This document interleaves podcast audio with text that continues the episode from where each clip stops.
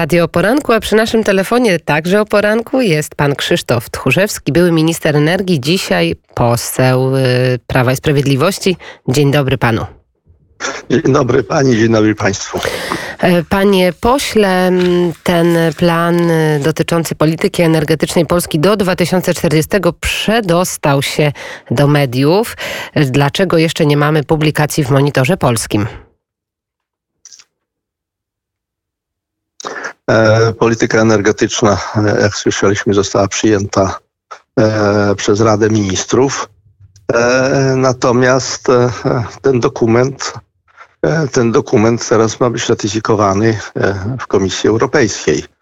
I notyfikacja w Komisji Europejskiej no, wymaga wprowadzenia pewnych korekt, więc nie można tego dokumentu obecnie pokazać jako dokumentu już e, ostatecznego, dlatego że dokument w wersji przyjętej przez Radę Ministrów e, po negocjacjach z Komisją Europejską jeszcze może być e, Zmieniony. weryfikowany. Czyli to jest Dlatego ta... też e, postawienie, mhm. do, postawienie dokumentu jako czegoś ostatecznego, czyli ten dokument został przyjęty jako dokument wskazany przez Radę Ministrów, że Polska by tak to widziała.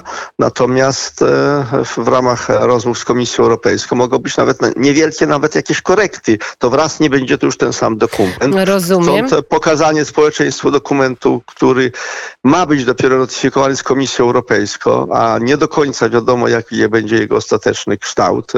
No jest to kompetencja Rady Ministrów przyjęcie takiego dokumentu, bo polityka energetyczna wskazuje e, nie nie rozwiązania jakby ostateczne, ale kierunkowe.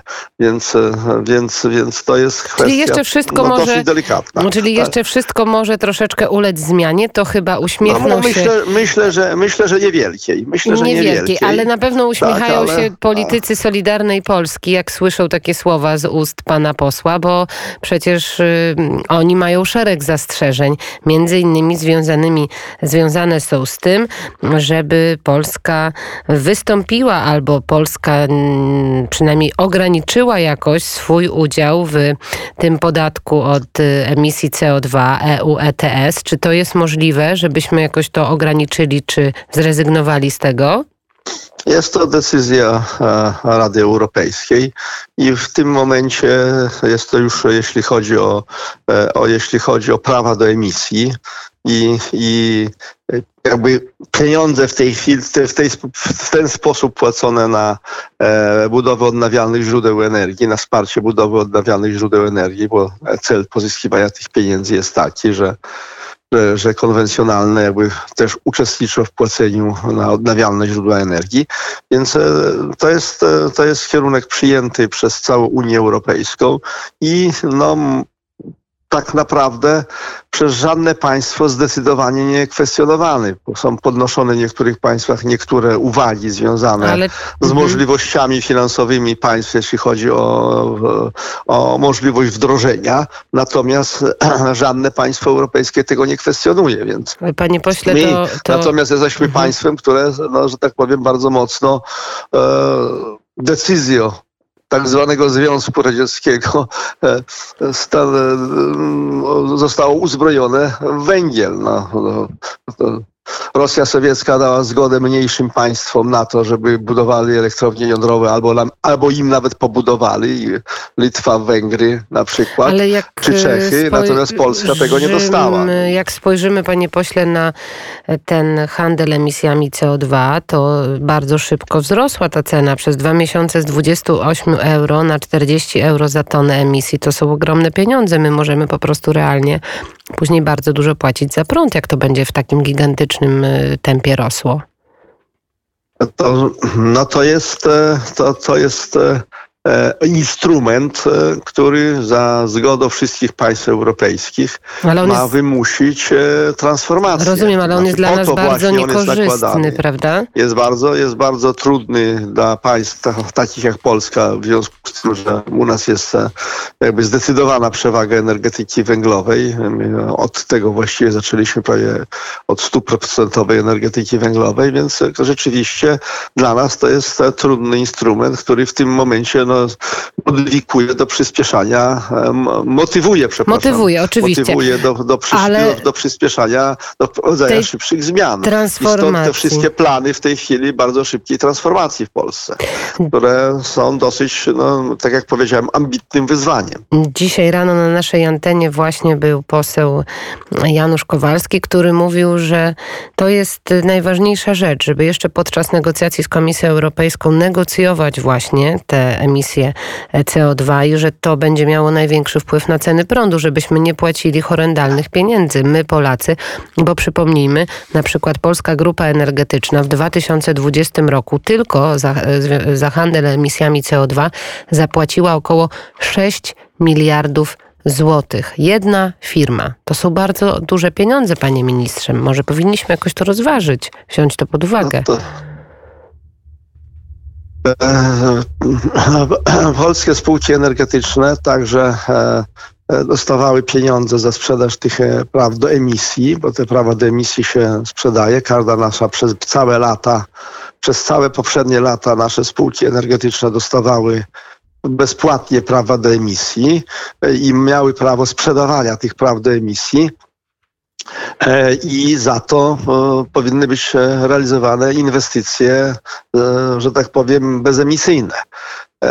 No niestety u nas jakby ta debata wewnętrzna, co robić i jak robić, powodowała, że plus, plus no, jednak rozbieżne decyzje po, po, po, po zmianie władzy z prawicy na, e, na centrolewicę, powiedzmy, to tak delikatnie mówiąc, powodowały e, rozbieżne podejście do, do, do, do polityki energetycznej i właściwie e, trzeba powiedzieć, że część przez poprzednie lata uzyskanych pieniędzy za emisję zostało przejedzonych. Skąd są te dane? Przejedzonych, przejedzonych to jest w kontekście nie taki, że ktoś tam nie zmarnował i tak dalej, ale ale, one zostały, że tak powiem, e, no, niewy, niewykorzystane zgodnie z intencją Unii Europejskiej, ale to już jest całkiem odmienna, przeszła sprawa. Rozumiem, że te dane opracowywało głównie Ministerstwo Energii, prawda, dzisiaj? Te dane, które są w tym, e, w tym planie? E, obecny, obecny plan e, polityki energetycznej w moim przekonaniu jest planem spójnym, natomiast wysiłek, jest to plan na taki, że tak powiem, nowy wysiłek ogólnonarodowy. To skąd I... taki sprzeciw Solidarnej Polski, panie pośle?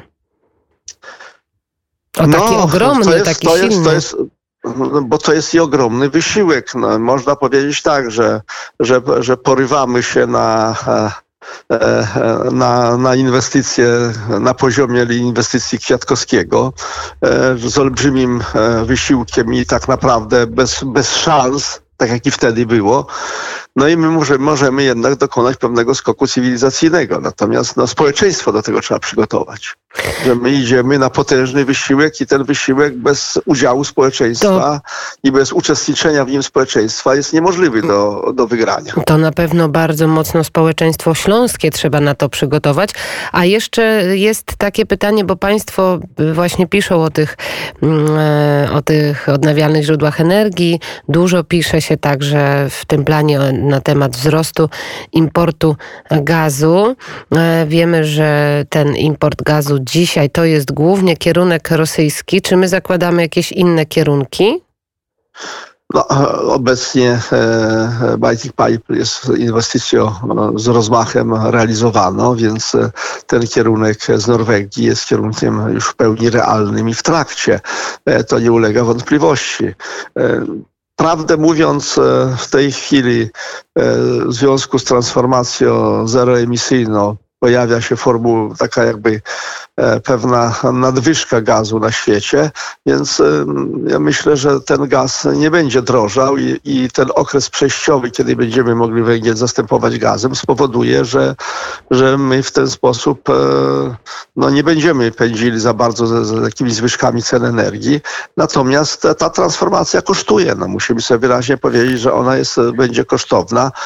E, natomiast jesteśmy w tym peletonie Unii Europejskiej i praktycznie e, tutaj e, no, jeżeli będziemy za dużo, za dużo przekombinujemy, to możemy, to możemy z tego peletonu wyskoczyć. Możemy Powie... być jakimś tam państwem Powiedział na ogonie. Pan, panie no, my mamy tu wybory, ale to potrzebna, potrzeba jest społecznej, dużej dyskusji i my się do takiej dyskusji musimy przygotować. To tak, rozmawiamy właśnie między innymi teraz. Właśnie powie... teraz też rozmawiamy. E, powiedział Pan o tym gazie. W 2020 19 miliardów metrów gazu, 19 e, miliardów e, metrów sześciennych gazu Polska zużyła. W 2025 prognoza jest taka sama. Są wyliczenia ekspertów, że to jest prognoza e, nieadekwatna, że na pewno ponad 20 miliardów metrów sześciennych będziemy e, zużywać. Skąd takie dane, panie pośle?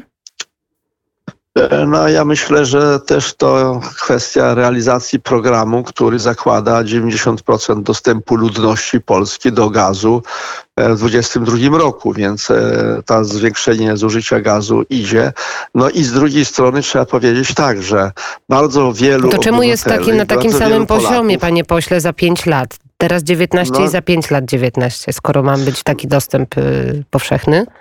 No, myślę, że myślę, że to zużycie gazu e, z jednej strony będzie rosło, ale z drugiej strony widać wyraźnie, że wiele osób e, no, tylko częściowo korzysta z gazu, ponieważ założyło panele fotowoltaiczne i wtedy i bardzo często do ogrzewania wody, do różnych tego typu rzeczy używa prąd elektryczny, który ma już swój.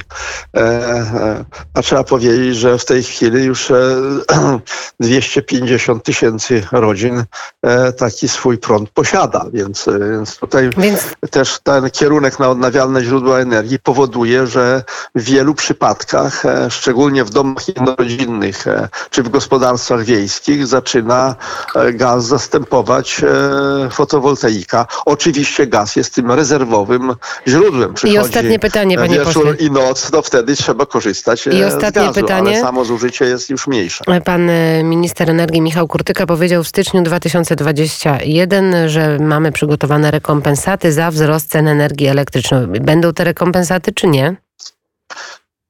E, właśnie ja też e, trochę rozpocząłem uczestniczenie w tej dyskusji, żeby uświadomić społeczeństwu, że e, kierunek na odnawialne źródła energii, to znaczy kierunek na podwójne źródła energii, bo rezerwa musi istnieć.